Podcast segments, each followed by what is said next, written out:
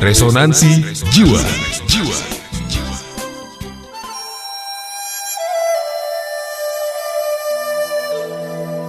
Layanan pelanggan.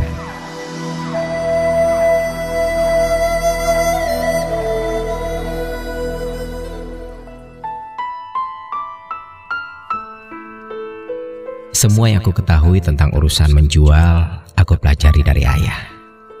Dan pada satu sore, di toko mebelnya di New Era, Michigan, waktu itu umurku baru 12 tahun. Ketika aku sedang menyapu lantai, seorang wanita setengah umur masuk ke toko. Aku meminta kepada ayah, apakah aku saat itu boleh melayaninya?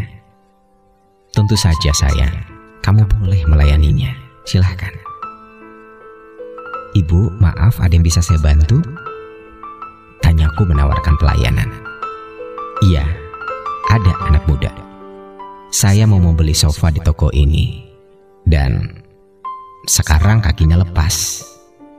Saya ingin tahu, kapan kalian bisa membetulkannya? Kapan Anda membelinya, Nyonya? Hmm, sekitar 10 tahun yang lalu. Kukatakan pada ayah, bahwa wanita itu mengira kami akan membetulkan sofa tuanya secara gratis.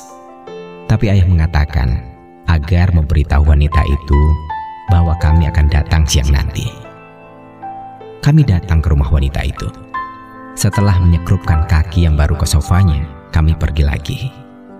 Dalam perjalanan pulang, ayah bertanya, "Apa yang sedang kau pikirkan, Nak?" Ayah kan tahu aku ini ingin kuliah. Jika kita selalu saja berkeliling membetulkan sofa-sofa tua secara gratis, lama-kelamaan kita bisa bangkrut ya. Anakku, kau kuajak karena memang kau perlu belajar melakukan pekerjaan perbaikan. Selain itu, urusan yang paling penting terlepas dari perhatianmu. Kau tidak melihat nama toko ketika kita membelikan sofa tadi. Wanita itu membelinya di toko Sears. Maksud ayah, kita mengerjakan perbaikan tadi secara gratis.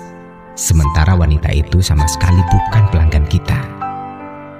Sambil menatapku, ayah berkata, "Sekarang ia justru menjadi pelanggan kita." Dua hari kemudian, wanita setengah umur itu datang lagi ke toko kami. Dan aku kembali melayaninya. Ia membeli mebel baru seharga beberapa ribu dolar. Ketika kami datang di rumahnya untuk pengantar barang itu, ia meletakkan sebuah kunci besar yang penuh dengan uang dolar. Satuan, limaan, puluhan, bahkan dua puluhan. Dan juga ada ratusan di sana, di atas meja di dapur. Ambil saja sendiri, senilai mebel yang saya beli. Katanya lalu keluar. Sejak hari itu, sudah 30 tahun lamanya aku bekerja sebagai tenaga sales. Aku selalu berhasil mencapai nilai keberhasilan transaksi tertinggi di setiap perusahaan yang kuawali. Karena satu hal saja yang kupelajari dari ayah. Aku tidak pernah meremehkan